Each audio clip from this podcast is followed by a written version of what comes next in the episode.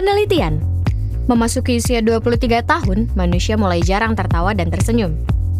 Suara market Dua akademisi sekolah bisnis dari Stanford di California, Jennifer Ecker dan Naomi Bagdonas melakukan survei. Hasilnya menunjukkan bahwa pada usia 23 tahun, orang dewasa mulai jarang tertawa atau terjadi penurunan selera humor. Survei dilakukan kepada 1,4 juta orang dari 166 negara, dan menghasilkan rata-rata usia di mana frekuensi tertawa dan tersenyum seseorang mulai berkurang di usia tersebut. Hasil riset tersebut mendapati bahwa rata-rata anak 4 tahun tertawa sebanyak 300 kali per hari. Sedangkan untuk orang dewasa 40 tahun, jumlah tertawa sebanyak itu baru bisa didapatkan dalam waktu 10 minggu. Usia 23 tahun adalah titik awal terjadinya penurunan intensitas tersenyum dan tertawa itu. Pernahkah kalian menghitung berapa kali tertawa dalam sehari? Silakan komentar.